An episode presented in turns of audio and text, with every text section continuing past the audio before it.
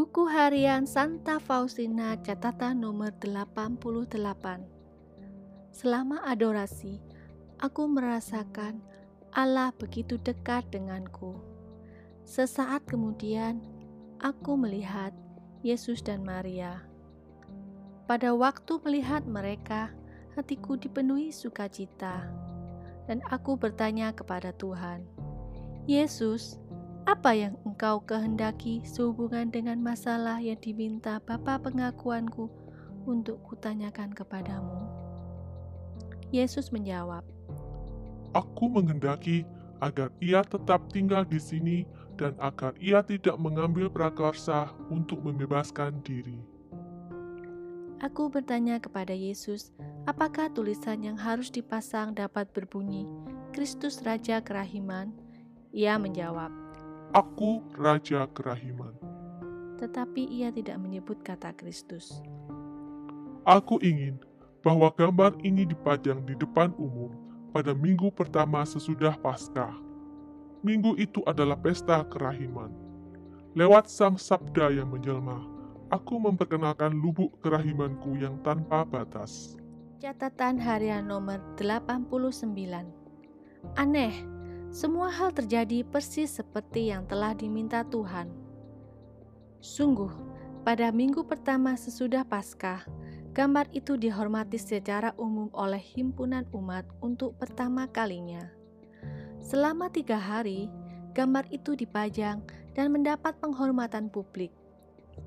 Karena dipasang tepat pada puncak jendela di Ostra Brahma, gambar itu dapat dilihat dari jauh.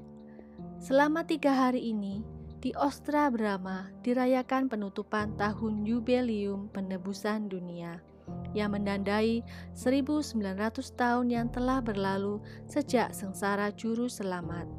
Kini aku melihat bahwa karya penebusan terikat erat dengan karya kerahiman yang diminta oleh Tuhan.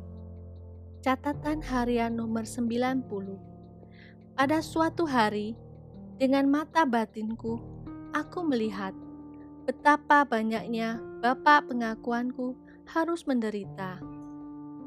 Engkau akan ditinggalkan oleh teman-temanmu. Setiap orang akan bangkit melawan engkau, dan kekuatan fisikmu akan menurun.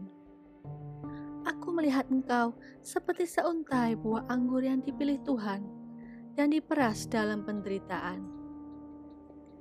Jiwamu ya Bapak, kadang-kadang akan dirundung keraguan-raguan tentang karya ini dan tentang aku. Aku melihat bahwa Allah sendiri terasa melawan engkau. Dan aku bertanya kepada Tuhan, mengapa ia berbuat demikian terhadapnya, seolah-olah ia merintangi apa yang dimintanya agar dilaksanakan. Dan Tuhan berkata, Aku bertindak demikian terhadap dia untuk memberikan kesaksian bahwa pekerjaan ini adalah pekerjaanku. Katakan kepadanya, janganlah ia takut apa pun. Siang dan malam, tatapan mataku selalu tertuju kepadanya. Akan ada banyak mahkota yang akan ia terima, sebab karya ini akan menyelamatkan banyak jiwa bukan berhasilnya suatu pekerjaan yang kuberi ganjaran, tetapi penderitaan yang ditanggung demi pekerjaan itu. Catatan harian nomor 91 Oh Yesusku, hanya Engkaulah yang mengetahui penganiayaan yang kuderita. Dan semua ini aku tanggung hanya karena aku setia kepadamu dan mengikuti perintah-perintahmu. Engkaulah kekuatanku. Topanglah aku, supaya aku selalu dapat melaksanakan apa yang kau minta dari aku. Dari diriku sendiri, aku tidak dapat melakukan suatu pun. Tetapi apabila engkau menopang aku, semua kesulitan tidak ada artinya bagiku. Oh Tuhanku, aku dapat melihat dengan amat baik bahwa sejak pertama kali jiwaku menerima kemampuan untuk mengenal Engkau, hidupku menjadi pergulatan tanpa henti yang semakin hari menjadi semakin sengit. Setiap pagi dalam meditasi, aku menyiapkan diri untuk perjuangan sepanjang hari. Komuni Kudus meyakinkan aku bahwa aku akan memperoleh kemenangan, dan memang demikian. Aku khawatir akan tiba suatu hari di mana aku tidak dapat menerima komuni kudus. Roti dari Dia yang kuat ini memberiku seluruh kekuatan yang kubutuhkan untuk melaksanakan misiku dan memberikan keberanian untuk melaksanakan apa pun yang diminta Tuhan dariku. Keberanian dan kekuatan yang ada dalam diriku bukan berasal dari diriku tetapi dari Dia yang hidup di dalam diriku. Itulah Ekaristi. Oh Yesusku, kesalahpahaman orang sedemikian besar. Kadang-kadang, seandainya tak ada Ekaristi, aku tidak akan berani melangkah lebih jauh meniti jalan yang sudah kau tunjukkan kepadaku. Catatan harian nomor 92 Penghinaan adalah makanan sehari-hari bagiku. Aku tahu bahwa mempelai perempuan sendiri harus ambil bagian dalam semua yang dialami oleh mempelainya.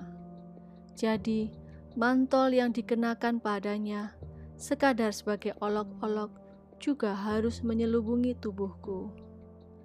Pada saat-saat seperti itu, kalau aku sangat menderita, Aku berusaha tetap tinggal diam, sebab aku tidak mempercayai lidahku yang pada saat-saat seperti itu cenderung untuk berbicara tentang dirinya sendiri. Padahal tugasnya adalah untuk membantu aku memuji Allah atas segala berkat dan karunia yang telah Ia berikan kepadaku.